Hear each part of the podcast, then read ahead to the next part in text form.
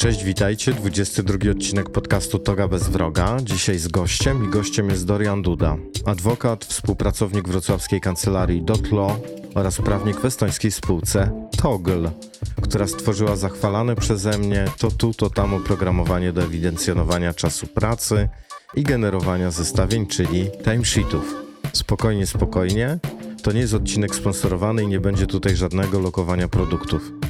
Dorian skontaktował się ze mną po przesłaniu odcinka Timesheet Bullshit i tak połączyły się nasze drogi, aż wpadłem na pomysł, by stał się gościem podcastu, bo to ciekawy człowiek o ciekawej drodze z sukcesami.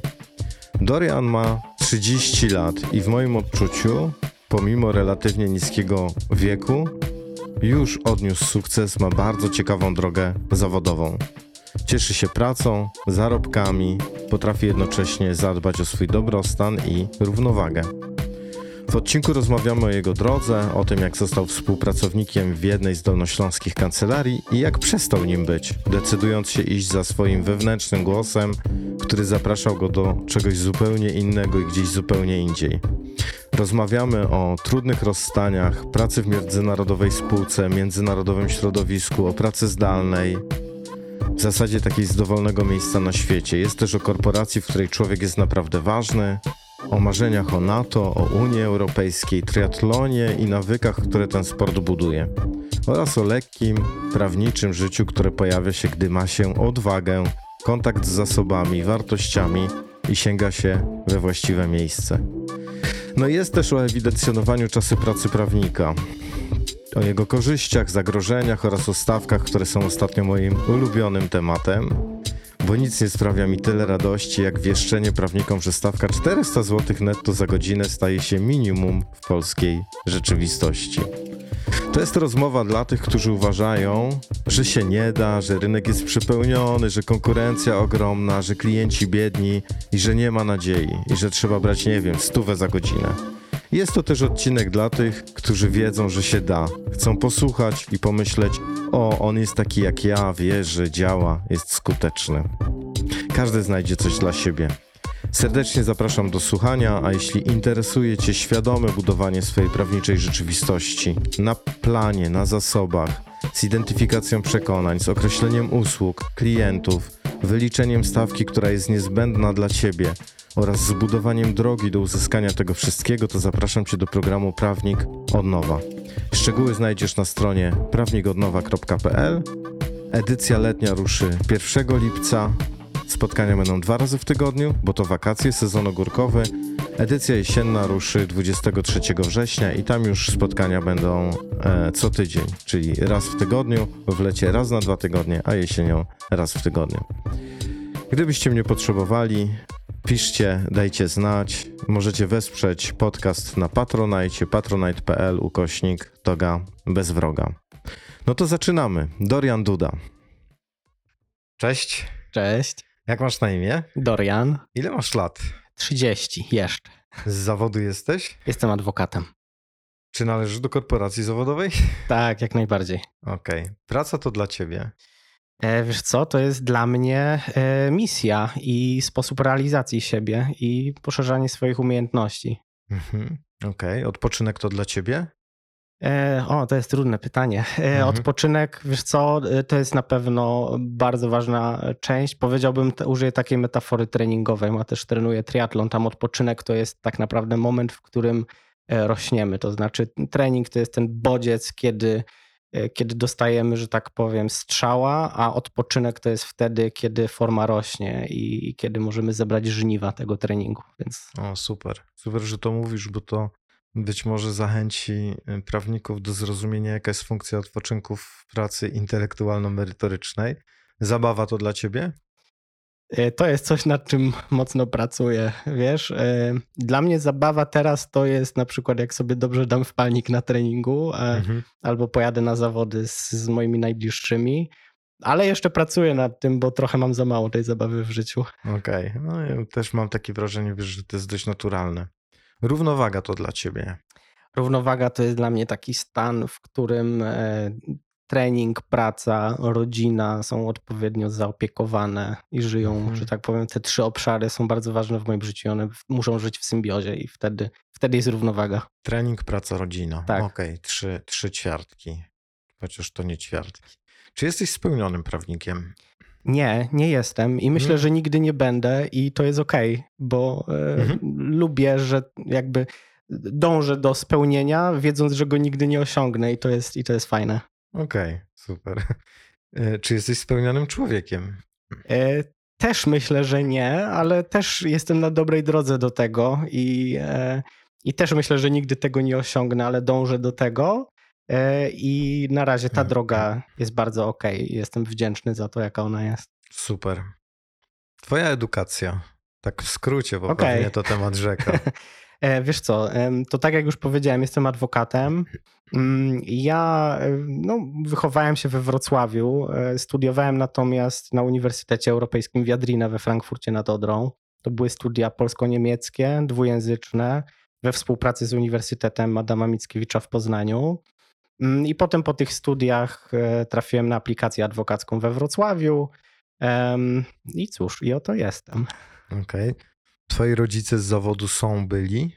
E, Z wykształcenia są prawnikami, z zawodu powiedzmy to były około prawnicze zawody. Moja mama pracowała w dużym banku, w kadrach i w płacach, mój tato w kadrze zarządzającej w różnych spółkach, takich e, windykacyjnych.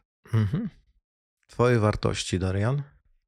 U, to jest temat rzeka. Dawaj. E, Słuchaj, moje wartości to, e, zaraz ci powiem, jak do tego doszedłem. Mm, Przede wszystkim bezpieczeństwo, lojalność. Mm. Ja mam bardzo wysokie poczucie takiego obowiązku, hierarchii, e, poszanowania dla zasad. Na pewno aktywność fizyczna to jest coś, co bardzo cenię w swoim życiu, ale też takt, życzliwość, elegancja, Mhm. bezpieczeństwo. Myślę, że to, to, to są te wartości, które są dla mnie najważniejsze i też e, skąd one się w ogóle wzięły. Mhm. chciałbym z tego miejsca bardzo pozdrowić Grzegorza Żołędziewskiego, z którym przepracowaliśmy intensywnie te, ten właśnie temat, em, który pozwolił mi właśnie zadać sobie kilka bardzo ważnych pytań i, i dojść do tego, jakie te wartości są, czy, czy na pewno to są te wartości, co one w ogóle dla mnie znaczą, tak? Bo z wartościami to jest taka kwestia, że, e, że można wymienić jakąś wartość, ale najważniejsze jest to, jak my ją rozumiemy i, i co Mhm. za nią stoi. Okej. To może do tego jeszcze później wrócimy. Pewnie. No, powiedziałeś, jak odkryłeś te, te wartości. Mm, Relacje z ludźmi dla ciebie są. Są trudne, Okej. są trudne, ale, ale ważne, dlatego że no, żyjemy w społeczeństwie, także ja jestem raczej introwertykiem, natomiast, natomiast te relacje są bardzo istotne. Okej. Czym są dla ciebie ambicje? Czym jest ambicja? ambicje to jest zaspokojenie naszego ego, tylko że właśnie ambicje, które są takie surowe, nieubrane w wartości, one mogą być y, trochę zgubne. Natomiast myślę, że ambicje ubrane w wartości, że tak powiem, ukierunkowane y, na nasze cele, które są przemyślane, to, to, to jest motor napędowy, motywacja. Wtedy ambicje pełnią taką rolę. Okej, super. Zawodowo zajmujesz się w tej chwili? E, Jestem prawnikiem, e, Legal and Compliance Officer w Toggle, Mhm. e, spółce, o której wspominałeś w jednym ze swoich odcinków. A oprócz tego e, we Wrocławiu pełnię funkcję e, Head of International Desk w kancelarii Dotlo. To jest e, mała, butikowa kancelaria zajmująca się projektami IT, doradzająca właśnie w obszarze nowych technologii i danych osobowych. Super. I twoje motto życiowe? Czy masz, a jeżeli masz, to jakie? Kiedyś, wiesz co, w liceum sobie wymyśliłem to motto życiowe i teraz tak myślę o nim, że, że chyba ono dalej jest aktualne. To jest sapere aude, czyli odważ się być, być mądrym. Okej, fajnie, dzięki. No widzisz, Dorian, zaprosiłem cię, bo mm, połączył nas Togl. To od razu, y, gdybyśmy byli znowu w nasłuchu Urzędu Ochrony Konkurencji i Konsumentów, to trzeba lojalnie i uczciwie powiedzieć, że nie łączy nas żadna współpraca. I w zasadzie stało się tak, że gdy ja nagrałem odcinek pod tytułem Timesheet Bullshit, to ty się do mnie odezwałeś i okazało się, że pracujesz w Toglu, którego ja w tym odcinku polecam, a polecam go dlatego, że Togl ma taki piękny plan do trzech użytkowników, w zasadzie jest za free.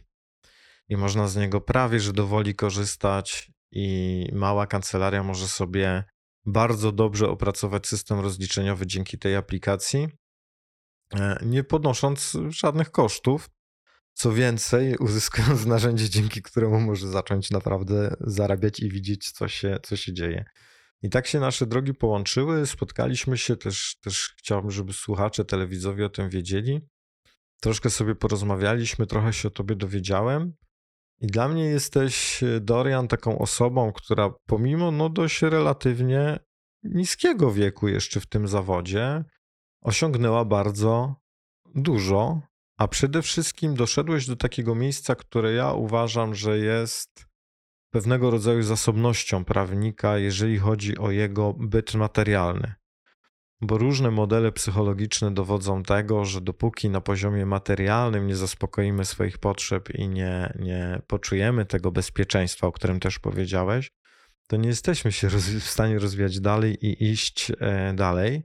Oczywiście są wyjątki, natomiast to jest taki element, który ty jako 30-latek masz już zadbany i masz go z mojej obserwacji o wiele lepiej zadbany niż spora część prawników polskich, adwokatów, radców polskich, którzy no, nie, nie mieli albo takiego szczęścia, albo takich umiejętności, albo takiej wiedzy, albo zabrakło im, nie wiem, dobrego mentora, trenera, albo nauczyciela, edukatora, albo patrona, który im by, by im to wszystko, by im to wszystko pokazał. Więc chciałem Cię zapytać i poprosić, żebyś e, opowiedział o, bo chciałbym dzisiaj o timesheetie, o stawkach troszkę pogadać, czyli o kasie i liczeniu czasu. Pewnie. Ale zanim do tego dojdziemy, to czy mógłbyś opowiedzieć swoją historię? Jak to, jak to się stało, że jesteś w Toglu, w spółce międzynarodowej, która robi ciekawy software? Możesz też, bo czytałem, opowiedzieć trochę o misji Togla, bo Togl jest w tym sensie też specyficznym biznesem, który ma jasno nakreślony właśnie poziom wartości, poziom misji, poziom wizji, czyli tego, z czym ja też z prawnikami pracuję, po to, żeby nie byli po prostu chomiczkami w kołowrotku. Co możesz opowiedzieć o swojej drodze? E, dziękuję za ten wstęp. Jest mi w ogóle bardzo miło, że, że mnie mm. tutaj zaprosiłeś. E, I, I, tak jak wspominałeś, e, no, usłyszałem ten odcinek o, o timesheetie, gdzie wspomniałeś o Toglu i pomyślałem, no tak, kolega polski adwokat napisze do, do, do drugiego adwokata i, i wspomni o tym, że że tam się znalazł, bo faktycznie mm, to jestem tam od niedawna, właściwie od trochę ponad pół roku. Mhm. Natomiast, y, natomiast no, tak się właśnie złożyło i myślę, że nie przez przypadek i też jestem bardzo wdzięczny, że tak się stało. Natomiast y, od początku to faktycznie, tak jak już wspominałem, ja studiowałem z na, na Uniwersytecie Wiadrina we Frankfurcie nad Odrą. Z Bartkiem Jakimcem, Właśnie miałem to powiedzieć. Tak, z Bartkiem Jakimcem, którego serdecznie pozdrawiamy. Pozdrawiamy Bartosz. Um, także byliśmy z Bartkiem na roku, wspólnie mierzyliśmy się z tymi samymi polskimi, niemieckimi egzaminami. E, I e, to były, to były fenomenalne studia. One tak naprawdę mnie ukształtowały mm. jako prawnika i jako człowieka. Ja też pojechałem do Niemiec, no, mając oczywiście jakąś tam znajomość tego niemieckiego, natomiast ona faktycznie e, bardzo, bardzo wzrosła dzięki tym studiom i dzięki pracy też na uczelni. Mm, e, I okazało się w ogóle, że Niemcy to jest taka moja trochę druga ojczyzna. Ja się mhm. tego nie spodziewałem, natomiast ten zestaw wartości, myślę, które które wymieniłem wcześniej, one są tak oczywiście stereotypowo, ale bardzo często powiązane z tym, jak Niemcy funkcjonują w otoczeniu biznesowym, więc e, zawsze byłoby mi tam bardzo dobrze. E, ja na studiach w ogóle myślałem, że będę szedł raczej w kierunku prawa publicznego, międzynarodowego. Ja się bardzo interesowałem dyplomacją. Magisterkę w ogóle pisałem z jakby kontroli, e, kontroli e, operacyjnej w Polsce i w Niemczech mhm. i czynności związanych z zapobieganiem terroryzmowi. Mhm. Także w tym, w tym kierunku myślałem, że to pójdzie. Natomiast też e, Niemcy wykształcili we mnie takie poczucie, że prawnikiem to się jest dopiero po ukończeniu formalnie edukacji. Tak, w bardzo taki formalistyczny sposób do tego podchodzą. W Niemczech mamy dwa egzaminy zawodowe, jeden e, po studiach, a drugi po tak zwanej aplikacji, czyli po referendariacie. I tam nie ma rozróżnienia na różne zawodowe aplikacje, jest tylko jedna aplikacja dla wszystkich. I, No. i dopiero po dwóch, e, że tak powiem, egzaminach państwowych mówimy, że wtedy jesteśmy tak zwanym voljurist, czyli pe pełnoprawnym prawnikiem. E, I ja wybrałem ścieżkę jednak polską. E, Zdecydowałem się wrócić, wrócić do Wrocławia i ukończyłem aplikację adwokacką. Trochę bardziej dlatego, że byłem przekonany, że trzeba ją ukończyć, żeby być pełnoprawnym, pełnowartościowym prawnikiem. Absolutnie nie żałuję tej decyzji. Jestem bardzo zadowolony, że, że, że tak, się, tak się stało. Natomiast nigdy też nie czułem jakiegoś głębszego powołania do, do zawodu adwokata e, i to nie jest tak, że jestem Team Zieloni, Mhm.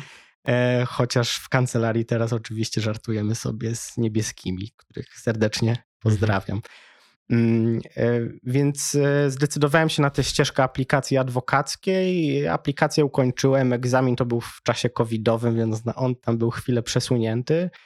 Mm, I e, powiem tak, te uprawnienia zawodowe w niczym nie przeszkadzają, tak, tak bym to powiedział. E, Często otwierają dużo drzwi, natomiast mm, zawsze wiedziałem, że niekoniecznie chcę podążać tą ścieżką, klasyczną ścieżką i, i być klasycznym adwokatem, tak? Takim procesowym w kancelarii, który przyjmuje różnych klientów, różne sprawy. Wszędzie go dużo i, i, i wszystkiego różnego ró- dużo robi. O Tak- tym mówisz? Tak, tak, mówię Mhm. o tym i wiesz co, ja e, oczywiście też prowadziłem sprawy sądowe. Tak naprawdę zajmowałem się, czy dalej się zajmuję w gruncie rzeczy prawem spółek, e, kwestiami korporacyjnymi. E, Ja sobie lubiłem mówić, że jestem prawnikiem od zadań specjalnych dla klientów międzynarodowych. To znaczy, jeżeli były jakieś niekonwencjonalne pomysły właśnie klientów z zagranicy, to się wiąże po prostu z tym, że mówię kilkoma językami i, i mam łatwość nawiązywania kontaktów z Mhm. nimi i też zdobywania zaufania, które, no powiedzmy sobie szczerze, w naszym zawodzie podstawą jest, Mhm. jest relacja oparta na zaufaniu, a, a z klientem, który pochodzi z, często z innej kultury, zupełnie, zupełnie innej, to, to jest to tym bardziej istotne. I ja e, po prostu starałem się jakby łączyć te umiejętności międzykulturowe e, z umiejętnościami prawniczymi. Hmm. Także lubiłem e, takie zadania, które właśnie pozwalały mi te umiejętności wdrożyć. I nie obrażałem się, jeżeli to były spory sądowe, bo, bo takie, gdzie jest pierwiastek transgraniczny, również niesamowicie lubiłem, chociaż uważam, że jestem średni z KPC, także, e, także mimo to, e, no tak naprawdę różne zadania wykonuję. E, Ważne jest dla mnie to, żeby też pokazywać zagranicznym klientom, że, że w Polsce się da robić biznes. Mm, A jeśli chodzi o Toggle, to, to po prostu jestem tam prawnikiem, który musi wiedzieć, jak, jak działa prawo w różnych krajach i No. gdzie szukać informacji, z kim współpracować, jakie pytania często zadawać, tak? Bo ja w Toglu zajmuję się tak naprawdę wszystkimi prawnymi tematami, bo tam po prostu nigdy wcześniej prawnika nie było. O. E, Jestem, jestem ich pierwszym prawnikiem w historii. Mhm. E, W ramach, w ramach Toggle obsługuję trzy e, spółki w grupie. Mm, Toggle jest rozwiązaniem estońskim. Estończycy mają fenomenalną kulturę pracy. Mm, Cały zespół to są ludzie z całego świata. Pracujemy w pełni zdalnie. I ja tak naprawdę pomagam im we wszystkim, gdzie mamy jakikolwiek do czynienia z różnymi prawnymi, podatkowymi, formalnymi rzeczami jednocześnie nie musząc y, być specjalistą od wszystkiego, tylko wiedząc, jak ich pokierować, bo po prostu wcześniej nie mieli takiej osoby. Okej, czy to oznacza, że ty rozpoznajesz i badasz systemy prawne różnych krajów, czy, czy jesteś osobą, która jest odpowiedzialna za to, żeby znaleźć na danym gruncie właściwego prawnika, który da wiążącą opinię prawną i on ją podpisze, albo ty ją później podpisujesz? Jak, jak to macie zorganizowane? Bo to ciekawe w sumie. E, Robię obydwie te rzeczy, bo O. wszystko zależy od skali tematu. E, Często jest tak, że, że nie ma potrzeby, żeby powstała jakaś e, wielka opinia prawna. Wystarczy krótki research, trochę, że tak powiem, rozumu i oleju w Mhm. głowie, e, podstawowe ogarnięcie i, i analiza tego, czy, czy akceptujemy takie, a nie inne ryzyko. W tym sensie praca in-house'a jest zupełnie inna od pracy, od pracy zewnętrznego prawnika. Natomiast, natomiast są takie tematy, gdzie wiadomo, że nie da się ruszyć bez e, konkretnej, solidnej opinii prawnej. Mhm. I przykładowo, no teraz, teraz mamy między innymi taki case, że, że zaangażowaliśmy, zaangażowaliśmy dużą kancelarię w Stanach Zjednoczonych, bo tam potrzebujemy mieć rozkminiony, poważny temat prawno-podatkowy. I tam to jest kwestia tego, no, mamy 51 stanów, tak? To w każdym jest też inne prawo. To też nie mhm. jest tak, że tam pójdziemy do jednego prawnika i on wie wszystko. Ważne jest to, żeby umieć pociągnąć proces i zadać odpowiednie pytania, y, żeby na końcu wyszła jakaś informacja, która jest wartościowa dla biznesu. I ja się tym między innymi zajmuję, bo ja też wiem właśnie, jakie pytania zadawać, czego szukać, jakie można mieć wątpliwości, mając jednocześnie jakieś tam pojęcie, jak ten system prawa w Stanach funkcjonuje. No pięknie. Jesteś zadowolony z tej pracy w Toglu? Jestem bardzo zadowolony. Uważam, mhm. to w ogóle był trochę przypadek, bo ja mm, tak naprawdę tę pracę znalazłem przeglądając sobie LinkedIn gdzieś tam około 23 e, mhm. w łóżku, kto tego nie robił.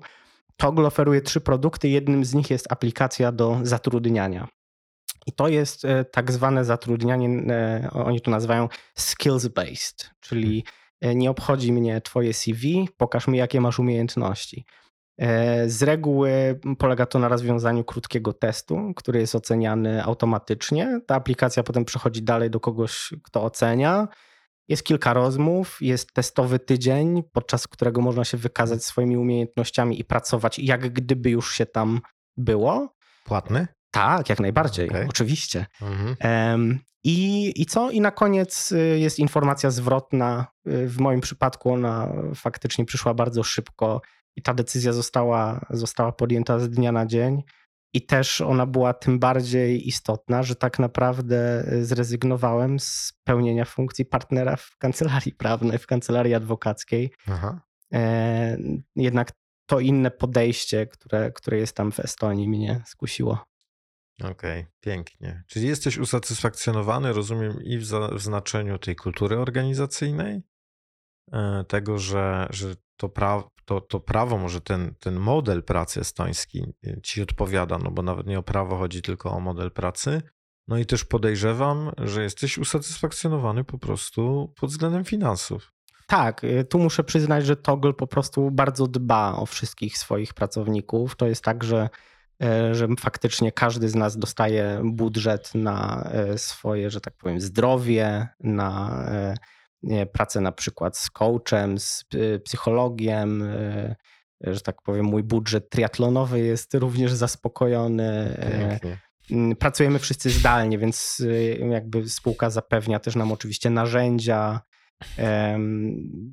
Mamy wyjazdy, tak? W 3-4 razy do roku spotykamy się, no bo wiadomo, 140 osób e, pracujących e, wspólnie zdalnie, no jednak trudno jest e, te relacje nawiązywać tylko przez internet, przez Slacka. Więc też Estończycy dbają o to, żebyśmy się spotykali kilka razy w roku w różnych bardzo przyjemnych miejscach. Ja będę miał przyjemność pojechać, polecieć do Meksyku w czerwcu po to, żeby właśnie się integrować, wspólnie popracować, poznać się, zbudować te relacje i to działa, tak? Sam wiesz, że Toggle jest, jest, działa już od dłuższego czasu. Mm, no tak. E, działa dobrze e, i, i, słuchajcie, da się bez prawnika. Oni do tej pory działali bez prawnika dobrze, także prawnicy nie są okay. koniecznie do wszystkiego potrzebni. Ale też z drugiej strony ja też słyszę, bo, bo cały czas z tym się mierzę w różnych mediach społecznościowych i w pracy z klientami, że to ma budżet na prawnika, w dodatku solidny budżet, bo mówisz o zapleczu socjalnym, które też kosztuje i jeszcze na tym zarabia, no bo jeżeli opłaca się zatrudnić, to znaczy, że to i tak wychodzi taniej niż by to kosztowało, gdybyśmy korzystali wyłącznie z kancelarii zewnętrznych. Zgadza się. No, faktycznie im brakowało tej osoby, która byłaby taki, takim łącznikiem e, właśnie z zewnętrznymi kancelariami, które nie są bardzo często potrzebne, ale też z osobą, która umie e, ocenić, czy kontrakt jest e, rzetelny, czy jest dobrze napisany, czy, czy jest korzystny, czy nie ma tam jakichś zagrożeń. Kogoś, kto powiedzmy bardziej trzeźwym okiem niż osoby, które dotychczas się tym zajmowały, mhm. będzie w stanie ocenić ryzyko i też kogoś, kto z jednej strony ma to zaplecze prawnicze, ale z drugiej strony jest na tyle powiedziałbym, młody i rozgarnięty w tematach technologicznych, rozumie, jak działają nowe technologie, nie boi się z nich korzystać, Hmm. e, e, nie otwiera mu się nóż w kieszeni e, na słowo chat GPT. Hmm. I, I potrzebowali po prostu takiej osoby, która będzie w stanie te tematy informatyczne z prawnymi łączyć, jednocześnie no, będąc rozeznaną w tematach prawnych w różnych krajach na świecie. Tak? No bo jednak Toggle to jest spółka, co prawda estońska, natomiast e, pracowników mamy wszędzie, e, kontrakty mamy wszędzie, klientów mamy wszędzie. Mm, Duża część to są oczywiście Stany Zjednoczone, e, natomiast no, jest potrzebne rozeznanie tak naprawdę w, w, na całym świecie, tak? Więc to, to, jest, to jest trudne, ale to jest jednocześnie coś, czego bardzo szukałem. Ja się bardzo zawsze bałem, że zawód prawniczy zamyka człowieka w, w ramach tego kraju, w którym ten prawnik ma edukację. I bardzo się tego bałem, bo ja zawsze szukałem e, tego pierwiastka międzynarodowego. Nawet ci powiem, że miałem taki pomysł, żeby studiować w Szkocji. Jak, e, jak zaczynałem studia, myślałem, że będę zaocznie studiował we Wrocławiu, a będę mieszkał w Szkocji i sobie tak raz na dwa tygodnie przylatywał do Wrocławia, byleby tylko mieć dwa dyplomy, żeby trochę Mhm. rozszerzyć swoje perspektywy. E, Ten pomysł ostatecznie upadł i myślę, że słusznie, bo myślę, że zajechałbym się po prostu Mhm. latając tyle razy. Natomiast wtedy, wtedy przyszła ta wiadrina i pomysł mojego taty tak naprawdę, który, który y, słyszał o tej uczelni. Ja byłem przerażony, bo jestem anglojęzyczny, czy byłem raczej anglojęzyczny. Mhm. E, Natomiast to wypaliło i ten czas e, na wiadrynie oceniam. No, to jeden z najpiękniejszych e, czasów w moich życiu. w twoim życiu. No tak, to chyba w ogóle wiesz, wspomnienia ze studiami, ze studiami takie są. Ale też zanim trafiłeś do Togla, bo ja już to, tę historię twoją trochę znam, no to, to wiem, że, że było troszkę inaczej i perypetie były różne. Ja zawsze mówię, że podróż bohatera jest jak w Gwiezdnych Wojnach. Długa, pełna perypetii, różne rzeczy dzieją się po drodze, są różne próby, są różne kryzysy, więc może też fajnie, żebyś, żebyś o tym opowiedział, bo też pamiętam, że miałeś takie zakusy i zapędy, żeby wylądować albo w Unii Europejskiej, albo w NATO, jeżeli dobrze pamiętam. Tak. Opowiedz, jak to, jak, jak to, jak to było, zanim się zostało prawnikiem w Toglu. E, W ogóle cieszę się, że powiedziałeś o Gwiezdnych Wojnach, bo e, uwielbiam, uwielbiam całą Mhm. tę sagę. E, I zresztą zawsze starałem się mieć taką postawę Obi-Wana, który jako, jako Mhm. bohater bardzo mi imponował. E, Chyba w sumie głównie dlatego, że e, jakby on miał te swoje słabości, nie ukrywał ich, ale on był takim mądrym, rozsądnym człowiekiem. Mhm. Starał się przynajmniej być w tych, w tych filmach.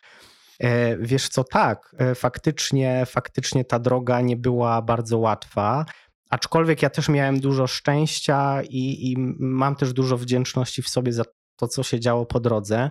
Ja po studiach najpierw podjąłem pracę w jednej z takich dużych, y, powiedziałbym, że prawie że sieciowych kancelarii w Polsce.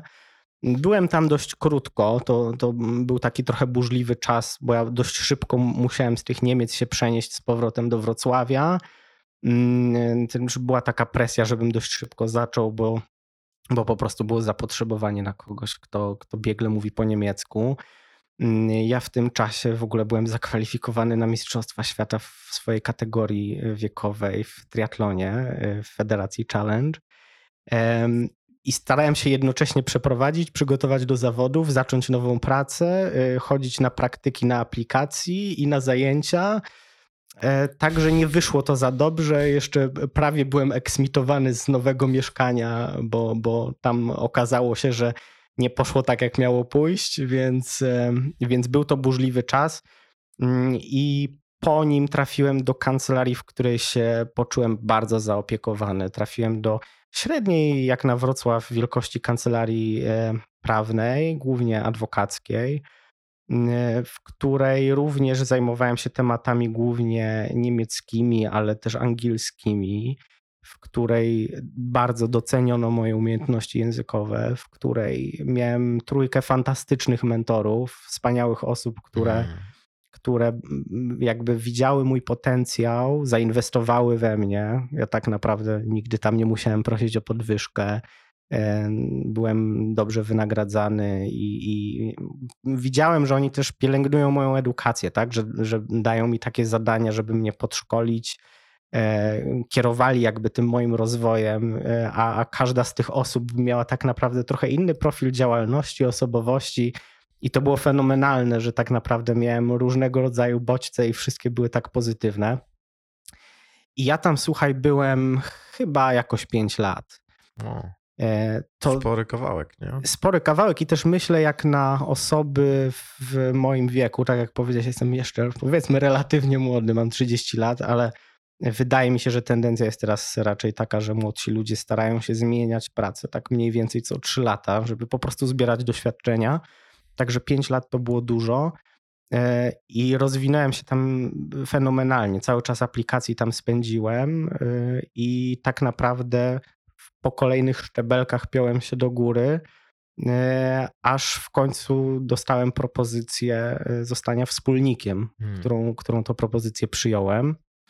E, ta propozycja, ona też między innymi pojawiła się na tle konfliktu, który, który tam wystąpił, o którym sobie pewnie zaraz, zaraz też porozmawiamy. Natomiast wspominałeś jeszcze o tych kwestiach międzynarodowych tak jak wcześniej mówiłem, że ja nie byłem na tę adwokaturę tak nastawiony z, z, marzeniem, że bycie adwokatem to jest spełnienie moich marzeń, tylko to był bardziej kolejny krok na, na pewnej drodze. Ja jestem mhm. takim typem odhaczacza, ja od, mhm. odhaczam po kolei swoje cele. Um, to ja faktycznie. Zdobywca. Tak, tak, tak, dokładnie. To jest też niebezpieczne trochę. No. E, natomiast ja faktycznie już e, na studiach wiedziałem, że ja tę karierę chcę pociągnąć w kierunku międzynarodowym i takim najbardziej odpowiednim kierunkiem mi się właśnie wydawały struktury unijne. E, lub NATO, dlatego że ja no, robiłem specjalizację z prawa publicznego międzynarodowego, prawo w ogóle wojny, konfliktów zbrojnych, prawo jakby morza, tak? To, to były te kwestie, które mnie bardzo pociągały, więc gdzieś tam się widziałem. Miałem takiego bardzo charyzmatycznego profesora e, Wolf Heinzel von Heineck. E, fenomenalny koleś i były wojskowy i właśnie na jego zajęciach panowała taka wojskowa musztra i to mi się bardzo podobało. Dlatego myślałem, że po aplikacji jednak pójdę w tym kierunku i, i faktycznie aplikowałem z lepszym bądź, go, bądź gorszym skutkiem. E, gdzieś tam mi się udawało do tych późniejszych etapów dochodzić, ale ostatecznie to, to nie wyszło i trafił się toggle, E, gdzie się udało e, i też moja ukochana Paulina powiedziała mi, że to jest ten kierunek, że, że NATO czy Unia to są takie bardzo skostniałe struktury, one są one nie są nowoczesne, one nie są zwinne i że ja myślę, że tam mi będzie dobrze, ale niekoniecznie, niekoniecznie to jest to. I że, że taki... możesz się zamęczyć tam. Tak, że, że ja potrzebuję takiego bardziej startupowego vibe'u, powiedziałbym, Aha. i takiego większego luzu. E, I więc tak, tak ona mnie też ukierunkowała i, i, dała do myślenia, i to się okazał strzał w dziesiątkę. Okej. Okay. Zatrzymałeś się, bo, bo to jest wątek poboczny przy tym konflikcie w kancelarii. Coś chciałbyś, chciałbyś o tym powiedzieć na tyle, na ile w ogóle możesz o tym powiedzieć? E, to tak, miało tak. jakieś znaczenie dla, dla twojej drogi? E, wiesz co, e, to miało pewne znaczenie. Ja, dla mnie bardzo istotne jest to, żeby, żeby wybrzmiało, że to, że prawnik jest młody i że nie ma jeszcze dużego doświadczenia zawodowego. Ja w tej chwili adwokatem jestem chyba gdzieś od dwóch i pół roku. W branży pracuję, wiadomo, trochę dłużej, wcześniej mhm. na uczelni, ale mimo tego relatywnie, no, z perspektywy, nie wiem, 50-latków, może niskiego doświadczenia, ale mhm. innego. E, prawnik w tym wieku może być bliski, tu ostrożnie użyję tego słowa, wypalenia zawodowego, które może przyjść nagle niespodziewanie, nawet w sytuacji, w która wydawałoby się jest komfortowa, kiedy awansuje, kiedy dostaje coraz to ambitniejsze zadania, kiedy jest odpowiedzialny za coraz więcej rzeczy.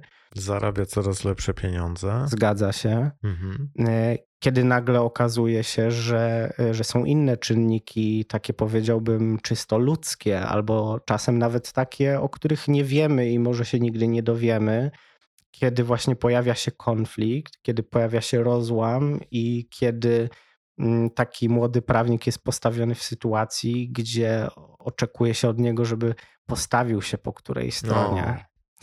A... Robi, robi się kwas, robią się obozy. Tak. I, czas, I teraz czas badania lojalności i, i w zasadzie co zrobić, jeżeli się lubi obydwie strony, nie? bo to jest też z tym się spotykam. Tak, i wiesz co, i, i rozmawialiśmy o tych wartościach, i, i tam padło z moich ust, że lojalność jest jakby u mnie bardzo, mhm. bardzo ważną wartością. I w sytuacji, kiedy, kiedy następuje rozłam i, i czujesz się jak przy rozwodzie rodziców, kiedy mhm. ktoś ci każe wybierać, e, jest to trudne dla psychiki, e, nawet dorosłego człowieka. Mm, ja, Wpływa na atmosferę pracy na pewno. Zdecydowanie, tak. Mhm. Miejsce, które, które kojarzyło ci się z takim ciepłem. Przyjaźnią. Przy, tak, przyjaźnią. Przyjemnością. Z dobrą współpracą, mhm. takim poczuciem, że, że masz kolegę, koleżankę, mentora, mentorkę, którzy cię zawsze będą wspierać. Nagle się okazuje takim miejscem rozgrywki, no, prawie że politycznej. Hmm. To bardzo źle wpływa na człowieka. Y, a przy właśnie tej wysokiej lojalności i poczuciu, że, że to przecież mentorzy, koledzy, przyjaciele, y, ważne osoby, y, no człowiek nie chce się opowiadać po żadnej ze stron, dlatego że no tak naprawdę wszyscy przegrywamy. Wszyscy mhm. przegrywamy. Mhm. Okej. Okay. I, I rozumiem, że to doświadczenie przeszedłeś? Jakie wyciągnąłeś z niego wnioski i dokąd ono cię zaprowadziło? Wiesz co, przeszedłem to doświadczenie.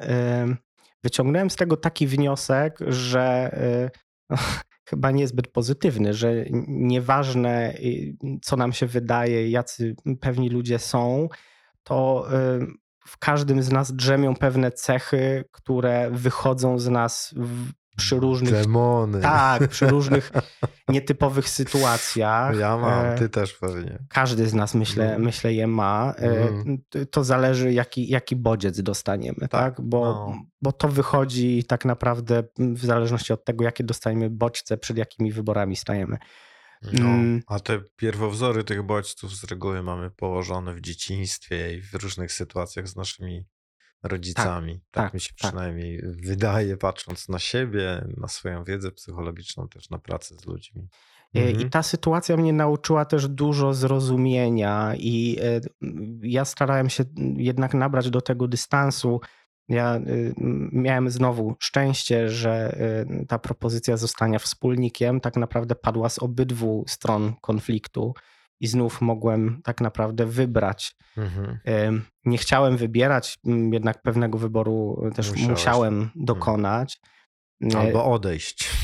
Tak, no, y, często prawnicy spotykają się z, takim, y, z taką sytuacją, że albo awansują, albo odchodzą. Tak? I też e, myślę, że gdybym powiedział, że nie chcę zostać wspólnikiem, a jednocześnie bym nie odszedł, no, y, kto nie chce zostać wspólnikiem w naszym zawodzie, powiedzmy mm -hmm. sobie szczerze. To jest często takie marzenie wielu osób. Niekoniecznie wszyscy zdają sobie sprawę, jakie y, konsekwencje tego o. są.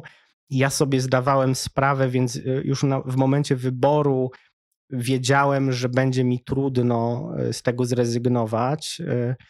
Natomiast z czego, z czego zrezygnować? Z, właśnie z bycia wspólnikiem w mhm, kancelarii, mm -hmm. bo to również nie była moja ambicja, to nie, był, okay. to nie był mój cel. Ja się poczułem bardzo doceniony i jednocześnie stara, starałem się wywiązywać z tej roli najlepiej jak mogę, ale też wiedziałem, że, że moja droga jest gdzieś indziej. I, mm -hmm. i po prostu w momencie, kiedy, kiedy pojawił się toggle, kiedy pojawiła się ta iskierka, y, to, to też wiedziałem, że to jest to i że te decyzje muszę i chcę podjąć. I zrezygnowałeś po prostu z tej spółki. I po prostu, po prostu zrezygnowałem. Spotkało się to z dużym zrozumieniem. Oczywiście to jest sytuacja też trudna, tak? Natomiast no w sytuacji, kiedy odchodzi wspólnik i kiedy to odbywa się w dobrych, serdecznych relacjach, bo, bo tak jest, y, y, nadal tak jest i, i, i te relacje mamy dobre i one no, są pięknie. życzliwe, Super. E, to, to jest to łatwiejsze. Mm, umówmy się, logistycznie to są pewne trudności, ale no jednak no. Z, jestem prawnikiem korporacyjnym. To takie kwestie ogarniamy szybko. Dokumenty KRS y, do rozliczenia lub nie, bo czasem się po prostu Tak. też mam, mam tego świadomość, odpuszcza rozliczenia po to, żeby po prostu pójść dalej po swoje. I tak wylądowałeś w Toglu. Zgadza się. I jesteś w Toglu.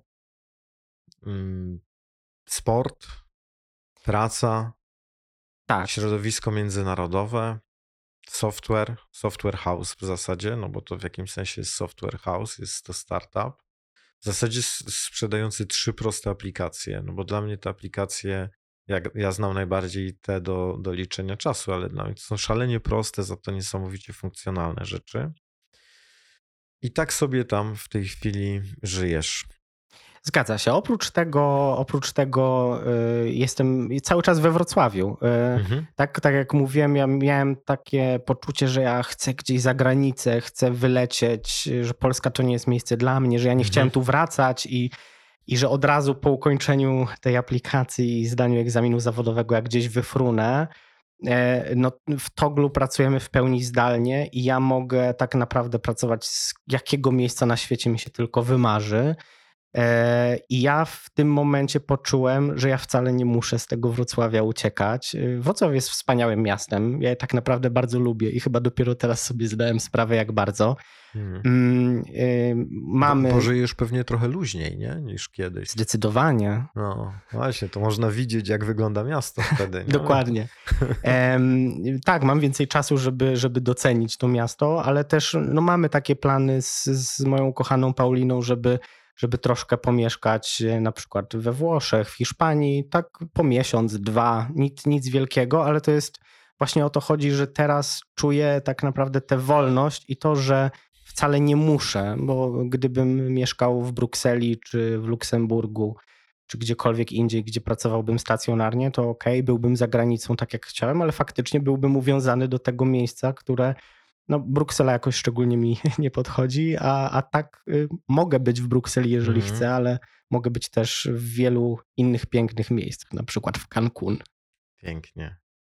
Dorian, powiedz y, naszym słuchaczom, słuchaczom tego podcastu, jak to się robi w życiu, że się ma 30 lat, rezygnuje się ze spółki, z bycia wspólnikiem, ma się dzięki temu więcej czasu, więcej kasy i żyje się, no, spokojniej, po prostu spokojniej. Krótko mówiąc, pytam cię o to, jaka jest twoja recepta? Bo wiesz, ja wierzę w szczęście, że, że los czasem nam coś podprowadzi, koło fortuny nam pozwoli coś wylosować, ale jednak trzeba zalosować, trzeba ten jakiś krok zrobić, jakiś ruch wykonać, żeby to szczęście do siebie przybliżyć. Jaka jest twoja recepta? Jak to się stało, że nie powiem, że się udało, bo nie znoszę mówić, że, że się udało. Jak to zrobiłeś? To też joda, że nie, nie, nie próbuj, tylko rób. A ja mówię też dodatkowo, i tak mnie też mój mentor uczył, nie, nie, nie, nie próbuj, tylko rób i nie udało ci się, tylko zrobiłeś. Więc jak to zrobiłeś? E, Ja wierzę, że to jest zestaw i szczęścia, i umiejętności. To Mhm. znaczy, mm, ja od początku wiedziałem, że e, umiejętności językowe są kluczem do tego, żeby odnaleźć się gdzieś, gdzie chcę być. Wiedziałem, że to nie będzie Polska, wiedziałem, że to będzie e, otoczenie międzynarodowe. Wiesz, to jest trochę tak jak z inwestowaniem. Jest coś takiego jak home bias, gdzie inwestorzy wolą inwestować na polskiej giełdzie, bo wydaje mi się, że ją znają, że jest bliższa. Tymczasem polska giełda stanowi jakiś taki marginalny ułamek całego rynku światowego. I Mhm. chodzi o to, żeby otworzyć się na ten cały świat, bo tam się dzieje bardzo, bardzo dużo.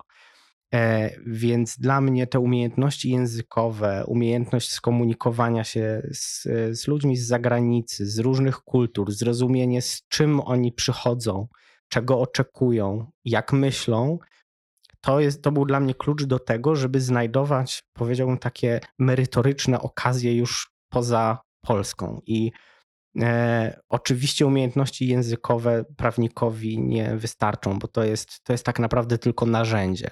Natomiast bez tego narzędzia właśnie nie możemy się otworzyć dalej. Więc mm, ja myślę, że ja mm, połączyłem to razem z czymś, co dały mi moje studia, czyli umiejętnością uczenia się, ustrukturyzowanego, logicznego myślenia, poszukiwania nowych umiejętności samodzielnie, mm, nie zamykania się na kodeksowe formułki, podręczniki, tylko szukania głębiej, dalej e, i takiego podejścia, że to jest ok, że ja czegoś nie wiem. E, ważne jest, żeby wiedzieć, jak, jak do tego dojść, jak to znaleźć, jak to Mhm. wyszukać. I to jest, wiesz, niemieckie studia uczą takiego bardzo rzemieślniczego podejścia do zawodu. I mi się to podoba. Ja uważam, że prawnicy są rzemieślnikami. E, U nas się bardziej trochę mówi, że my jesteśmy strażnikami tam konstytucji, prawa Mhm. i, i przypisuje się nam takie, takie, powiedziałbym, wyższe cechy. Mhm. E, Mi się podoba bardzo to niemieckie przyziemne podejście, że my właśnie jesteśmy rzemieślnikami w naszym zawodzie. I Szperaczami, poszukiwaczami? tak, coś tak, takiego? dokładnie. Mhm. I my szukamy, porządkujemy informacje, wyciągamy logiczne wnioski. Mm, Pięknie. I do tego, jeżeli dobierzemy odrobinę szczęścia i właściwych ludzi na swojej drodze, których po prostu też miałem szczęście ich, ich napotykać, którzy pomogą cię ukształtować, e, uformować, e, pokazać, podpowiedzieć, e, to chyba to jest recepta na. hmm, Nie, nie lubię tego słowa na sukces, Sukces, ale mhm. bo ja też się absolutnie nie czuję, że osiągnąłem jakiś sukces. Ja jestem w trakcie mojej drogi i uważam, że jeszcze dużo, dużo przede mną e, i uczę się dalej. Wszyscy powinniśmy się dalej uczyć cały czas. No, tak cię też zrozumiałem na początku, gdy, gdy pytałem cię o satysfakcję zawodową, prywatną, to mówisz, że to jest proces, że ty jesteś cały czas w tym i być może, czy, czy nawet mówisz, że nigdy do tego nie dojdziesz, bo to się robi całe, całe życie. I ja często porównuję to do takiego procesu prania. I mówię, prać majty trzeba cały czas, bez względu na to, gdzie się jest, kim się jest i co się robi. I to jest jakby taka mała metafora w soczewce całego życia że cały czas coś potrzebujemy robić. Nawet jak odcinamy kupony, to i tak, jak nie znajdziemy drogi do dalszego rozwoju, do samoedukacji, samorozwoju, albo nie poszukamy wsparcia, mentorów, kogoś, za kim warto podążać, to możemy być szybko w czarnej D. Ale Zgadzam też- się. Też w tym, co mówisz, słyszę bardzo ważną rzecz. Mówisz o okolicznościach zewnętrznych, ale jest tu też coś, co, co świadczy o Twoich okolicznościach wewnętrznych, o Twoich wewnętrznych zasobach, które sprawiły, że to, że to zrobiłeś. Jesteś w stanie powiedzieć, co to za zasoby? E, czy mówisz o sporcie? Nie mówię o sporcie. Mówię o całej Twojej drodze. Jakbyś, jakbyś Mhm. był w stanie zidentyfikować, bo o wartościach już powiedziałeś, ale jakie Twoje zasoby wewnętrzne sprawiły, że no, byłeś w takiej kancelarii, w której miałeś e, wspierających patronów czy mentorów, a nie każdy tak ma, bo jak- jakoś moje doświadczenia są takie, jak słyszę opowieści prawników młodych, starszych, że jak byli praktykantami czy aplikantami, to potrafili swojego szefa czy patrona nie widzieć albo widzieć go raz w tygodniu. Więc jakie twoje, twoje takie, wiesz, wewnętrzne zasoby, oprócz tego, że, że się uczyłeś, że znalazłeś te, te no nisze, nie nisze, ale miałeś tę świadomość, że warto pójść w języki jako narzędzie, to co byś jako swoje takie wewnętrzne zasoby zidentyfikował, które ci w tym wszystkim pomogły? Wiesz co, ja myślę, że no przede wszystkim y, to, że jestem osobą raczej bardzo zorganizowaną. Jestem bardzo nastawiony na cel, na, na to, żeby, tak jak mówiłem, odhaczać po kolei Mhm. zadania na liście. Y, Staram się być y, ustrukturyzowany, uporządkowany. Y, Myślę, że to był taki mój największy zasób i to, że gdzieś tam z tyłu głowy zawsze miałem, miałem to przeświadczenie, w jakim kierunku idę, gdzie ten cel jest mm, że, że szedłem raczej taką jasno wytyczoną drogą. Czasem z niej trochę zbaczałem, czasem miałem pewne wątpliwości, czy, czy, czy nie zboczyłem z tej drogi gdzieś za daleko, ale ostatecznie, ostatecznie udało się. Natomiast y, ja bym jednak krótko nawiązał do tego sportu, bo, Śmiało, bo przyznam szczerze, że że dzięki triatlonowi ja też e, w tych sytuacjach trudnych, czyli w, kiedy był konflikt, kiedy, kiedy było trudno w pracy, kiedy potrzeba było odskoczni, to ja te odskocznie miałem i, Mhm. i znajdowałem ją właśnie w sporcie, w, w drużynie, z którą trenowałem. Triatlon to jest taki wdzięczny sport, bo to jest sport indywidualny, ale jeżeli jesteś wspierany przez drużynę, to wszyscy idziemy w tym samym celu, wspieramy się wspieramy się, ale każdy jednak pracuje sam, e, sam na siebie. Na swój wynik. Tak, i to jest też bardzo fajny sport z mojej perspektywy, bo tam nie potrzeba talentu. To jest sport, który wynagradza ciężką, regularną pracę. To jest 365 dni w roku, prawie każdego dnia mamy trening, czasem nawet dwa, a zawodów jest jak na lekarstwo, bo to jest może pięć, może sześć razy w roku i trzeba cieszyć się tym procesem, tą, tą pracą na co dzień, e, bo tak naprawdę ta wisienka na torcie i jakieś zawody, e, kiedy faktycznie mamy możliwość cieszyć się z wykonanej pracy razem z rodziną, z, z przyjaciółmi z zespołu, no to się zdarza rzadko. Mhm. Powiem ci, co słyszę, bo to jest mocna rzecz. Ja mam ciary, jak teraz o tym opowiadałeś. E, małżonka moja czyta książkę Natalii de Barbaro, autorki czułej przewodniczki, która napisała teraz drugą książkę pod tytułem Przędza. I tam jest taki fragment, który dotyczy rutyny, wypracowania rutyny w swoim życiu, bycia rutynowym. I to, co ty mówisz, koresponduje i z tym, co napisała Natalia de Barbaro, i też z moim doświadczeniem.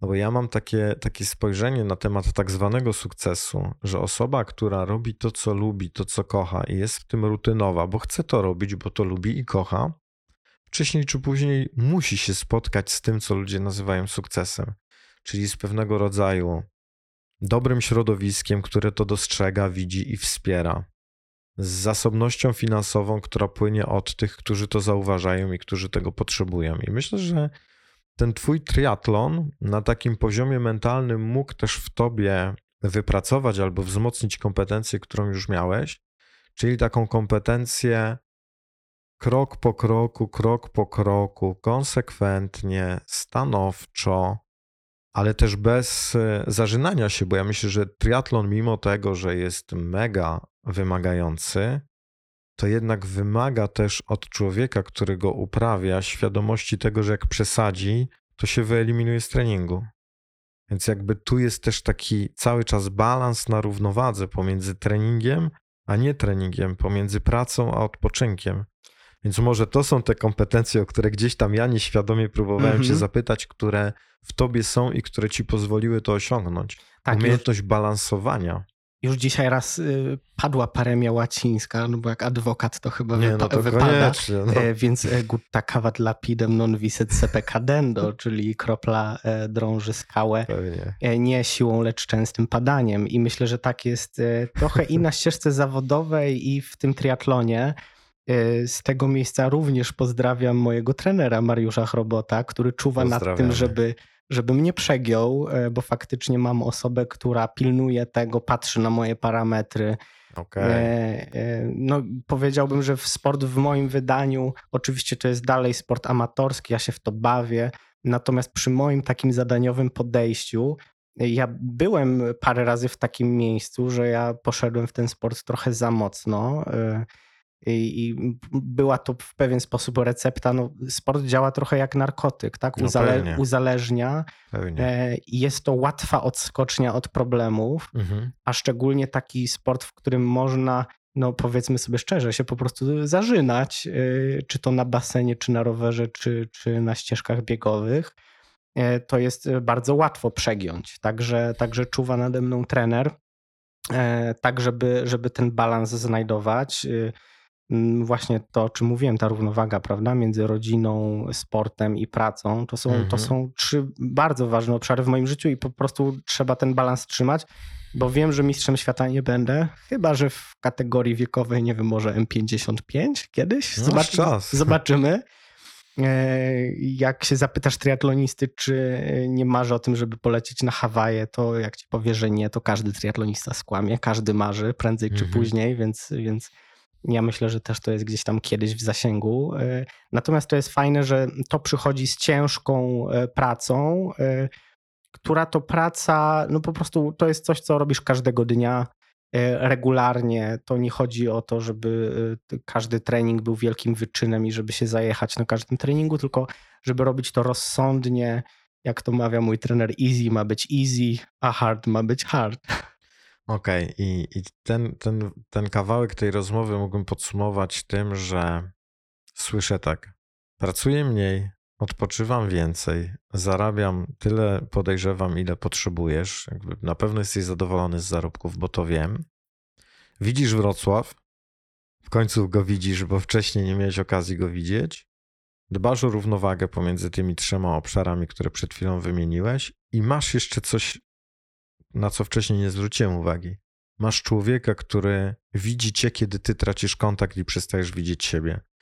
Czyli trenera, akurat jeżeli chodzi o sport, który mówi stary, a teraz czas e, troszkę zwolnić i odpocząć, czyli zmienić tryb, czego mam wrażenie polskim prawnikom bardzo często brakuje i to właśnie prowadzi do tego wypalenia, o którym wcześniej wspominałeś. Wiesz co, brakuje, ale ja też widzę, że da się inaczej.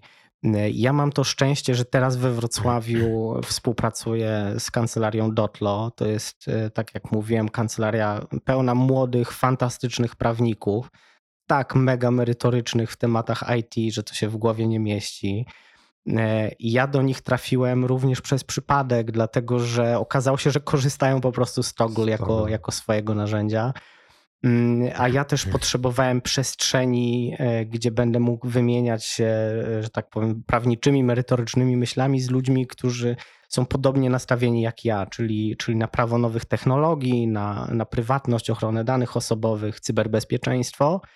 E, no i, towarzystwo podejrzewam potrzebowałeś. Towarzystwo, bo, bo słuchaj, to są ludzie, których ja znam z liceum po części, E, po części to są e, młodsi koledzy. Ja teraz jestem jedną z najstarszych osób tam e, i to jest dziwne uczucie, pracowanie z Gen Z, które bardzo doceniam, bo, bo pozwala nabrać też dystansu i luzu, mhm. ale też oni mi pokazali, że wiesz co, da się inaczej, że kancelaria prawna w Polsce może działać inaczej, może posługiwać się prostym językiem, mhm. może nie chować się za, za takimi prawniczymi sformułowaniami, może być otwarta, może być y, y, komunikatywna. Y. Stawiać emotikony do maila? No pewnie. Korzystać ze Slacka, komunikować się zwinnie, być transparentna, jeśli chodzi o politykę cenową i o to, jak no, biluje.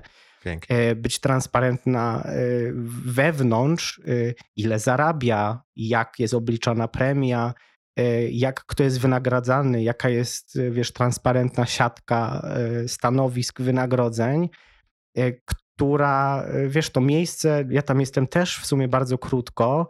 Zaczęło się od tego, że wynajmowałem od nich biuro, bo po prostu potrzebowałem przestrzeni biurowej, zaczynając pracę w Toggle.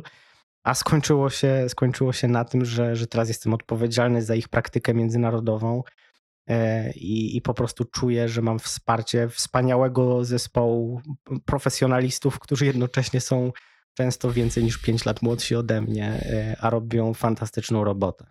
Czyli masz dwa etaty w sumie. Wiesz co, no... Nie, no nie liczę czasowo, ale Dwie Powiem fuchy. tak, w naszym, w naszym zawodzie trudno jest też mówić o etatach. No ale ja poczułem e, jakby i pracując i w Toggle i, i, i po części dla Dotlo, bo tam e, faktycznie pełnię funkcję taką, to się nazywa off-council, czyli jestem trochę na boku, e, mhm. ale jednak pod szyldem. Mm, jeżeli lubisz to, co robisz i otaczasz się fajnymi ludźmi, to wiesz, to nie czujesz tak naprawdę, czy to jest jeden etat, dwa etaty, ja kiedyś miałem wstręt do tego, żeby patrzeć na telefon i tam odpisywać na maile, a teraz e, bardzo często siedzę na Slacku. Też miałem. I, i, i właśnie Znam. odpisuję tak. Wiesz co, e, powiem ci tak, teraz mi się przypomniała taka rzecz. Mm, dlaczego ja w ogóle zostałem prawnikiem? Mhm. Wiesz, rodzice mnie do tego w ogóle nie namawiali. Oni są prawnikami z wykształcenia, ale, ale nigdy mnie do tego nie pchali to się sprowadza do tego, słuchajcie, że jak grałem w grę. E, niektórzy pewnie pamiętają, była taka gra e, RPG, nazywała się Tibia. I ja, mhm. słuchaj, grałem w tę grę, to było na przełomie podstawówki i gimnazjum. Tam się zabijało potworki, rozmawiało się z ludźmi. E, no, taka, taka gierka. Swego czasu dużo nastolatków było, mówiło się nawet, że są uzależnieni. I słuchaj, ja w tej grze po pierwsze rozmawiałem z ludźmi no, w języku angielskim, nie było za bardzo innej mhm. opcji. E, a po drugie, w pewnym momencie e, mnie przestało sprawiać tam przyjemność zabijanie tych potworków, tylko ja pełniłem tam funkcję tak zwanego tutora, czyli ja pomagałem graczom, opisywałem im reguły gry, y, zajmowałem się regulaminem, takimi zasadami, które tam w tej grze obowiązywały. Mhm. Doradzałem też z takiej pozycji autorytetu, bo wiesz, że tam miałem swoją tam, kolorową czcionkę, mogłem robić za No. takiego policjanta. I to mnie tak mega wciągnęło, że tak naprawdę większość czasu w tej grze to spędziłem na staniu przed własnym domkiem i odpowiadaniu na, na pytania ludzi i, i pełnieniu funkcji no, takiego doradcy, właśnie z pozycji trochę takiego autorytetu. E, I ja myślę, że to mnie pociągnęło w kierunku prawa. I ja teraz, jak pracuję w Toglu, no co prawda nie stoję przed żadnym domkiem, ale jednak mam odpaloną aplikację i wiesz, ludzie do mnie piszą i ja im po prostu pomagam. Krótko odpowiadam, odpisuję, doradzam. Mhm. E, więc trochę zgamifikowałem sobie swój zawód. No, pięknie, pięknie. Pięknie. No to skoro jesteśmy przy Toglu, to chciałem przejść do drugiego tematu, bo Toggle dla mnie to przede wszystkim timesheet, czyli liczenie czasu i ewidencjonowanie czasu. I ja na ten temat nagrałem cały odcinek, który, tak jak już wspominałem, też połączył nasze drogi. Natomiast chciałbym Cię prosić o to, żebyś Ty opowiedział z Twojego punktu widzenia, czym jest ewidencja czasu pracy, liczenie czasu pracy za pomocą aplikacji. Czy to ma sens, czy to wspiera, czy krzywdzi? Jaki jest, jest Twój punkt widzenia? Też wiem, że, że byłeś w jednej z kancelarii odpowiedzialny za, odpowiedzialny za system premiowania i budowanie systemu wynagrodzeń. Więc co ty byś mógł powiedzieć słuchaczom na temat tego, jak ważna jest ewidencja czasu pracy i gdzie się tu można pogubić, bo jak w każdym temacie, y, jakkolwiek by nie był zdrowy, można się pogubić, bo i witaminy można przedawkować. Zgadza się. Y, Tak, słusznie powiedziałeś. Ja jednym z moich obowiązków jako, jako wspólnika w kancelarii było między innymi wdrożenie zupełnie nowego systemu ewidencjonowania czasu. To, to nie był toggle, to było takie rozwiązanie szyte na miarę, powiedziałbym. I też y, skorelowanie tego z całym systemem motywacyjnym, premiowania i jakby takim właśnie nowym podejściem do tego, jak z timesheeta korzystamy. E, To tak naprawdę timesheet, tak jak fenomenalny był ten odcinek e, właśnie, który nas połączył. E, Bardzo, bardzo mi się podobał, bo po prostu, po prostu bardzo trafnie tam opisałeś, jakie, jakie są zagrożenia, jakie są pułapki i czemu to powinno też służyć. To timesheet jest taką, e, taką bronią obosieczną. Mhm. Z jednej strony e, on może służyć jako właśnie narzędzie do kontrolowania, monitorowania, nadzorowania i takiego niebezpiecznego też micromanagementu. Mhm. E, Z drugiej strony, o czym wydaje mi się, że prawnicy w Polsce jeszcze nie mają takiego, takiego pojęcia, to jest fenomenalne narzędzie do tego, żeby e, sterować własną produktywnością, sprawdzać po prostu, jak ten czas nam przecieka przez palce, na co go poświęcamy. Mm, Prawnikom, myślę, w Polsce timesheet kojarzy się z tym, ile godzin potem pójdzie na fakturę, ile Mhm. zabilujemy klienta, ile Mhm. na tym zarobimy. Prawnicy raczej nie korzystają z tego narzędzia do tego, żeby mierzyć ten czas, który właśnie nie idzie na fakturę. A wydaje mi się, że to jest dużo ważniejsze niż, e, Mhm. niż, niż ten czas, który na fakturze ląduje. Mhm. E, Bo tak naprawdę dobrze wykorzystany timesheet, przyjazne narzędzie, które ta, takim narzędziem myślę jest akurat Toggle Track, czyli jedna z tych trzech aplikacji, którą Toggle oferuje. E, W łatwy sposób pozwala nam pokazać, gdzie ten czas idzie i jakby też aplikacja jest skonstruowana w oparciu o taką misję, żeby budować przeświadczenie, że ten czas, który, mm, który spędzamy na innych rzeczach niż wykonywanie naszej pracy, to nie jest czas stracony, y, o ile go zmierzymy, o ile wiemy, gdzie, gdzie ten czas pójdzie, Mhm. co z nim zrobiliśmy, bo tak naprawdę, jeżeli nie zmierzymy tego czasu, to nie mamy świadomości, jak tym zarządzić, ile tego było, Co to było? co to było. Przecież ten Że to czas. się rozpłynęło, tak jest. Przecież Mhm. również ten czas, czy może nawet przede wszystkim ten czas, który ucieka nam na rzeczy y, tak zwane niebilowalne, my też musimy uwzględniać w kosztach kancelarii czy kosztach naszego biznesu, w wycenie. No pewnie. E, to jest, powiedziałbym, podstawa. Tak? Czas to jest taki uniwersalny miernik, no wszyscy mamy go tyle samo, niezależnie czy jesteśmy biedni, Tak. czy bogaci. On wszystkim ucieka tak samo.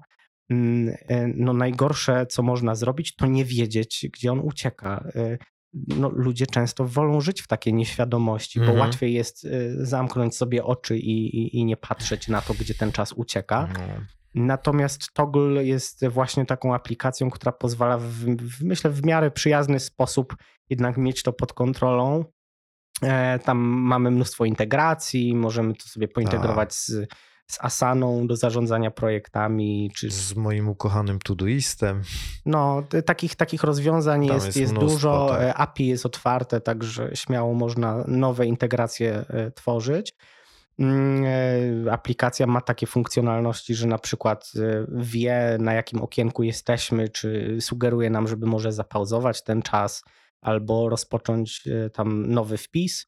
Mm, Natomiast z drugiej strony, naszą misją jest też to, że tworzymy aplikację, która nie służy do monitorowania. Ona nie służy do tego, żeby pracodawca monitorował pracownika, żeby patrzył mu na ręce. W czasie rzeczywistym. Z, y, zgadza się. Y, Oczywiście w raportach to potem To można widzi, zobaczyć, tak. natomiast y, w- jakby wizja, wizja Togla jest taka, że, że to narzędzie ma służyć do bezstresowej, produktywnej pracy, do zwiększenia produktywności. To jest narzędzie dla tej osoby, która je stosuje i ona ma pomóc rozwinąć ten potencjał. Ta pewna, pełna misja i wizja i te wartości, którymi się którymi faktycznie się kierujemy w pracy, bo to jest coś, co mnie bardzo urzekło, jest, bo mamy, mamy wymienionych siedem wartości, którymi się kierujemy w codziennej pracy, i te wartości są odzwierciedlane każdego dnia we wiadomościach, które sobie wysyłamy. Ludzie mają świadomość, jakie te wartości są i co one oznaczają. I wierzą w nie z tego, co I wierzą, słyszę. i wierzą w nie, i też e, e, już na etapie rekrutacji. e, Jest to sprawdzane, Tak, to jest tak Mhm. naprawdę ważniejsze niż umiejętności merytoryczne No pewnie. to to, czy kierujemy się tymi samymi wartościami, czy jesteśmy jakby skorelowani. Dlatego taką dużą wagę e, tu trochę opowiem i może to nawet trochę autopromocja, chociaż nie w tym rzecz, że bardzo dużą uwagę zwracam na to, czy prawnik ma rozpoznane swoje wartości i czy jest w zgodzie z tymi wartościami, czy jego ścieżka, droga zawodowa jest drogą zgodną z wartościami, bo jak to leży, to wszystko leży. Więc ja Zgadza też się. Togla w pełni, w pełni rozumiem i też, też pamiętam, bo wysłałeś mi i misję, i wizję firmy i do mnie to też bardzo przemawia.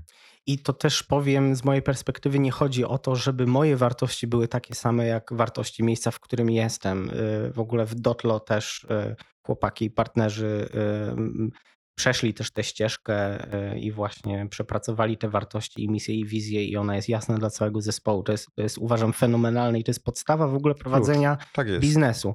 W a sposób trwały. Tak, a tego nas nie uczą na aplikacji, na Nie, studiach, Nie y, ma szans. więc, więc to jest bardzo istotne.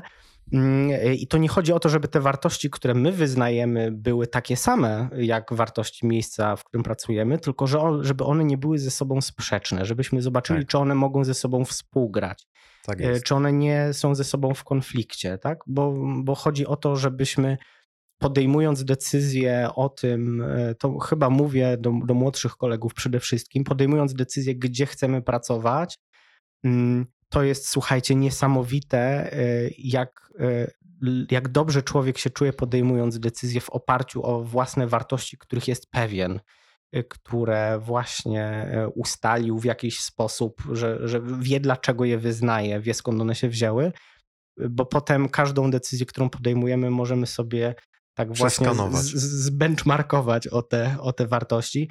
E, I to jest naprawdę bardzo ważne. I idąc na rozmowę, też jesteśmy wtedy, gdy mamy zidentyfikowane wartości. Jesteśmy nie tylko tym, który jest rekrutowany, ale jesteśmy też tym, który rekrutuje. Zgadza się. Ja idę na rozmowę i ja wtedy mówię klientom: rozejrzyj się po miejscu, zobacz, jak ludzie wyglądają, jak się zachowują, jaki jest poziom napięcia, jak jesteś obsłużona jako osoba, która przychodzi tu do pracy, jako kandydat. Sprawdź, czy ty też, czy jest pole na to i miejsce, przestrzeń na to, że ty też rekrutujesz. No bo idzie prawnik z 5-6-letnim doświadczeniem do dużej międzynarodowej kancelarii i on też rekrutuje, czego, czego prawnicy czasem po prostu nie widzą. Wiesz co, ja y, właśnie z takim podejściem rekrutowałem się do jednej, do jednej kancelarii i usłyszałem takie pytanie, e, czy, czy będzie ok, jeżeli będzie okres próbny, tam trzymiesięczny, bo u nas to jest standard, poznajemy się e, i chcemy zobaczyć, jak ta współpraca wygląda. Mhm. I wiesz, co ja wtedy odpowiedziałem? Odpowiedziałem, że jasne, bo to jest dla Was również okres próbny. E, ja też potrzebuję czasu, żeby zobaczyć, czy to jest e, dla mnie dobre miejsce, czy ja chcę tu być, jak tu się pracuje. Mhm. E, wyobraź sobie zdziwienie w oczach adwokata z wieloletnim doświadczeniem, jak mu taki mały sztyl. Świeżak przyszedł. Świeżak po studiach przyszedł i mówi o że, tym, że, że będzie go testował. No i, no i co, i zdziwienie było, było tym większe, że E, że akurat w tym przypadku ten okres próbny skończył się niepowodzeniem. Jakby, tak, nie z tej perspektywy, o. co zwykle. E, no ale tak bywa. Tak bywa. Skostniałych e, w myśleniu ostrzegamy, że młode pokolenia, w tej chwili razem ostrzegamy, że młode pokolenia wybierają i X, Y Z wiedzą, bo są świadomi. Mnie to mega cieszy, muszę ci powiedzieć. Chciałem wrócić jeszcze na chwilę do tego, do tego timesheetu, bo mówiłeś o tym, o tej wadze liczenia czasu, który jest czasem niefakturowanym, niebilowalnym dla klienta, nierozliczanym. Nie, nie ja, ja, ja chciałem dodać, bo też dzisiaj wrzuciłem posta, bawię się ostatnio e, w ramach urozmaicania swoich treści w komiksy. Wrzuciłem posta na temat stawek, do których też mam nadzieję jeszcze przejdziemy za chwilę. I, i myślę sobie, że wa warto wiedzieć, bo ja jestem zdania, że klient ostatecznie, bo innych pieniędzy kancelaria nie ma niż pieniądze klienta. Klient pokrywa cały czas pracy e, zespołu, nie tylko ten produktywny, ale też ten nieproduktywny. I warto wiedzieć, jeżeli prawnik ma 60% zabilowane, zafakturowane u klientów, czy te 40% to jest Instagram, parzenie kawy, mycie ekspresu, zamawianie papieru, po to, żeby wiedzieć, czy ten prawnik to jest właściwa osoba do zamawiania tego papieru, czy toaletowego, czy do drukarki, ale też, żeby wiedzieć, jak on siedzi na Instagramie, to on siedzi dla odpoczynku i to jest dla niego zdrowe i tego też potrzebuje.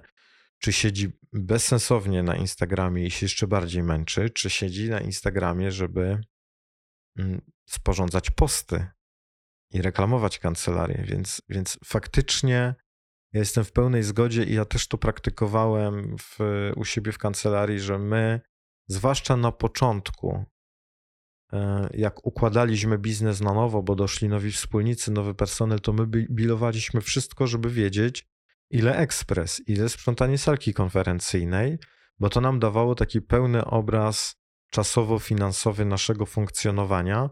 I nie wiem, czy ty się zgodzisz, bo ja dzisiaj, jak, jak się zastanawiałem nad, nad naszą rozmową i nad timesheetami, to doszedłem do tego, że żeby timesheet nie stał się opresyjny i destrukcyjny i wypalający zawodowo, bo pamiętam twoja pierwsza wiadomość do mnie była o tym, że timesheet może prowadzić do wypalenia zawodowego. Czy można sobie pozwolić na to, żeby kilka miesięcy, mm, przynajmniej te czasy bierne, zbadać i wyciągnąć z tego wnioski, a później już po prostu odpuścić i skupić się tylko na, na, na, na, na, na rejestrowaniu czasu merytorycznego. Jak sądzisz? Ja to stawiam pod wątpliwość, bo sam nie mam na tę chwilę pewności. Pewnie bym to i tak co jakiś czas chciał sprawdzić. I ja myślę, że, że to jest nieustanny proces i że cały czas mhm. powinniśmy rejestrować to, y, zarówno co robimy merytorycznie, E, jak i te zadania niemerytoryczne i, i powinniśmy, powinniśmy te dane też kategoryzować. Ja akurat mogę mówić na przykładzie Togla, bo po prostu znam te aplikacje, tak? Ale mhm. możemy tam używać tagów, możemy przypisywać do, do projektów, opisywać te zadania w taki sposób, żeby potem o co tak naprawdę chodzi? Chodzi o to, żebyśmy wyciągnęli potem z tego jakieś dane, na podstawie których możemy podjąć e, decyzję, dobrą decyzję, decyzję na podstawie pełnych, rzetelnych informacji. Tylko, że w tym wypadku my te informacje sami sobie najpierw musimy dostarczyć. I teraz tutaj jest duża rola w ogóle wspólników w kancelarii, żeby tak komunikować się z zespołem, żeby zespół wiedział, czemu to, y, to śledzenie czasu tak naprawdę służy. Że to nie jest narzędzie do tego, żeby. Policyjne, Tak, ani żeby ścigać ich, ani żeby ścigać klientów. ani szukać haków na nich. Dokładnie, tylko po to, żeby podejmować lepsze decyzje dla dobra wszystkich. Y, Tylko, że musi być dobra komunikacja, musi być zaufanie w zespole y, i y, no właśnie Muszą być kompetencje miękkie tego, który to komunikuje i wdraża. i wartości, wartości Hmm. wszystkich osób, które powinny być jakoś skorelowane ze sobą i wiara w to, że idziemy wszyscy w tym samym kierunku, że robimy to z tych samych pobudek i że rozumiemy, czemu to służy i że to służy nam wszystkim. Bo tak jak, tak jak mówiłem wcześniej, tak jak wszyscy wiedzą, czasu wszyscy mamy tyle samo. E, możemy tylko po prostu lepiej wiedzieć, e, na co go poświęcamy. I czy to e, był właśnie tak jak mówiłeś, Instagram, czy to było tworzenie posta dla kancelarii, czy to może był odpoczynek, który też jest ok, bo lepiej jest pracować mniej, a efektywniej. Mhm. Nie ma, nie ma nic złego w tym, żeby, że pracujemy po 4-5 godzin, jeżeli jesteśmy, mamy więcej energii i po prostu jesteśmy w stanie ten czas Fokus. tak, lepiej, fokus. tak lepiej jest. przeznaczyć. E, A jeżeli korzystamy z części czasu, żeby odpocząć, wręcz powiedziałbym, powinniśmy dążyć do tego, żeby tego odpoczynku było jak najwięcej i powinniśmy to mierzyć. Oczywiście, bo y, timesheet po pierwsze daje informacje na temat poziomu współpracy pomiędzy wspólnikami a zespołem, pomiędzy wspólnikami a pozostałymi wspólnikami. Daje informacje na temat poziomu zaangażowania w sprawy ryczałtowe, nieryczałtowe, w produkty, po to, żeby między innymi sprawdzić to, do czego teraz bym też chciał przejść w naszej rozmowie, czyli sprawdzić prawidłowość wyceny usługi prawnej. Zgadza W się. moim odczuciu nie ma dobrej wyceny usługi prawnej bez zbadania przynajmniej na poziomie średnim czasu zaangażowania e, w tę e, w tę usługę. I ja też podjąłem wczoraj taką decyzję, bo piszę coraz więcej postów wokół tego, ile prawnik powinien e, zarabiać w Polsce. I chciałbym, żeby prawnicy zarabiali tyle samo co lekarze, bo nie widzę powodu, żeby zarabiali mniej to budzi kontrowersje, zwłaszcza prawników, którzy, no, no ja rozumiem, są na oporze, bo nie potrafią się zdobyć na takie stawki, mimo że dla klienta stawka jest gdzieś tam na piątym miejscu dopiero czynnikiem, jeżeli chodzi o decyzję. Ja podjąłem wczoraj decyzję, że ja nie będę pracować z prawnikami, którzy w przeciągu dwóch miesięcy od rozpoczęcia ze mną współpracy nie zaczną ewidencjonować czasu pracy, bo to jest zmarnowana, zmarnowana energia i czas bo ja nie pracuję tylko po to, żeby prawnicy mieli forsę, ale wiem, że dopóki tej forsy nie będą mieli, to pewne inne obszary, które są kluczowe dla ich dobrostanu i dla ich satysfakcji życiowej nie ruszą, po prostu yy, nie ruszą. I w ten sposób chciałem przejść yy, płynnie do tematu stawek.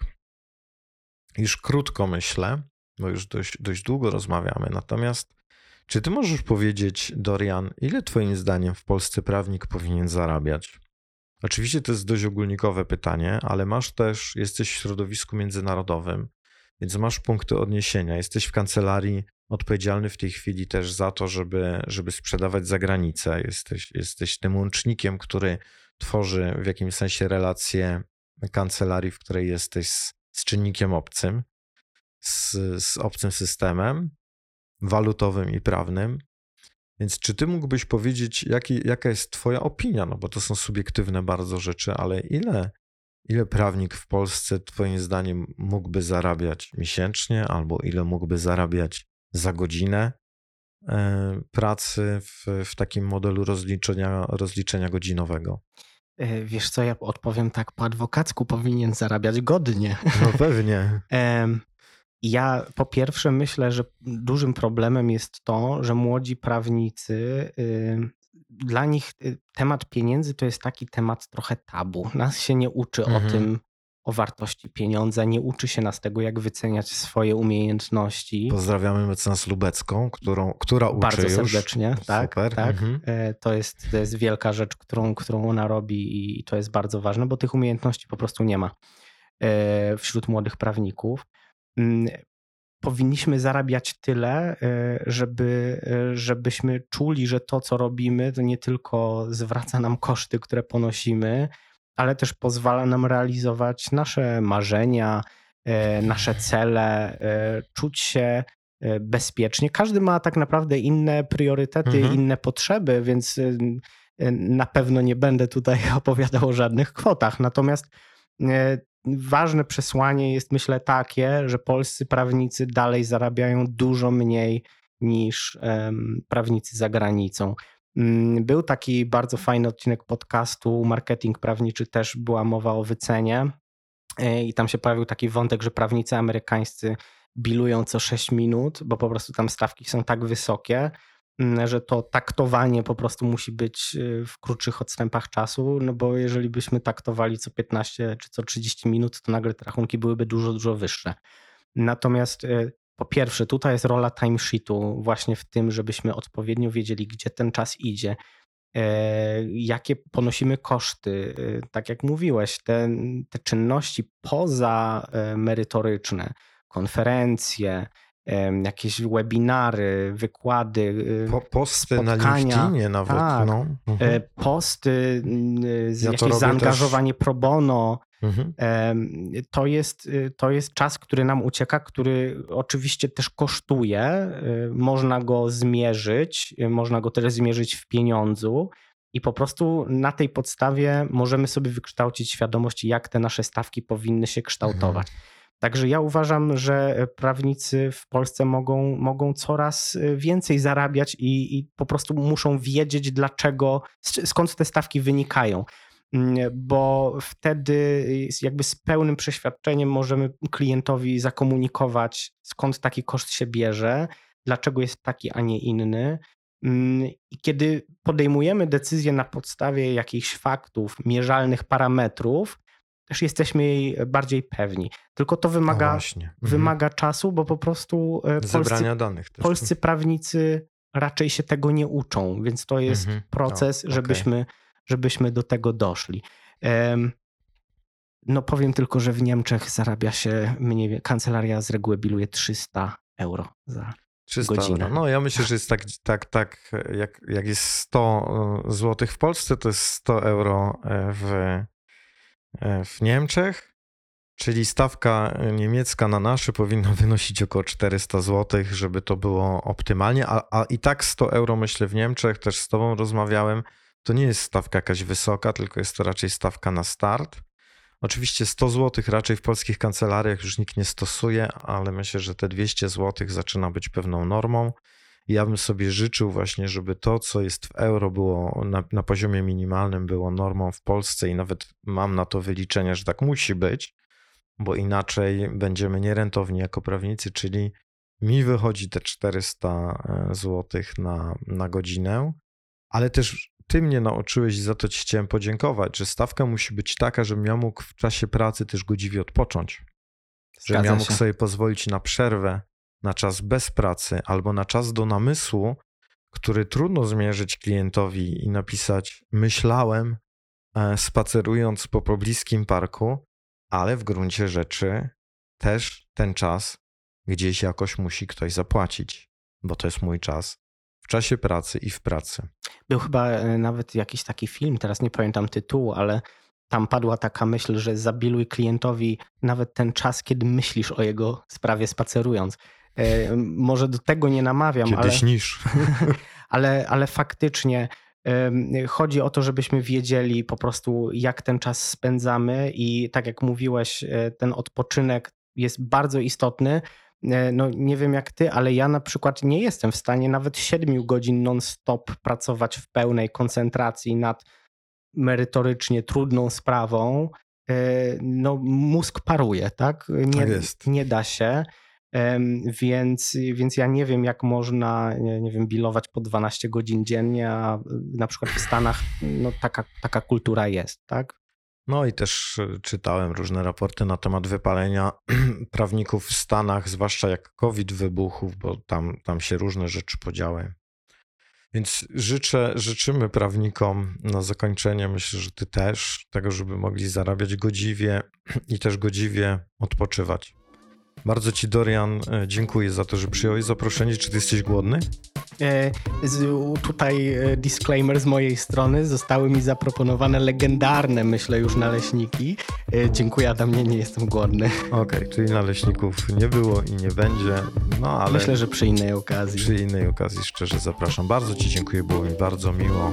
Bardzo dziękuję Ci za to zaproszenie. To była niesamowita przyjemność. I, super.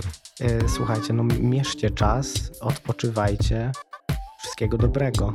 I zarabiajcie porządne pieniądze, Tak takie same jak lekarze, a może nawet lepsze. Dziękujemy, do usłyszenia. Cześć. Cześć.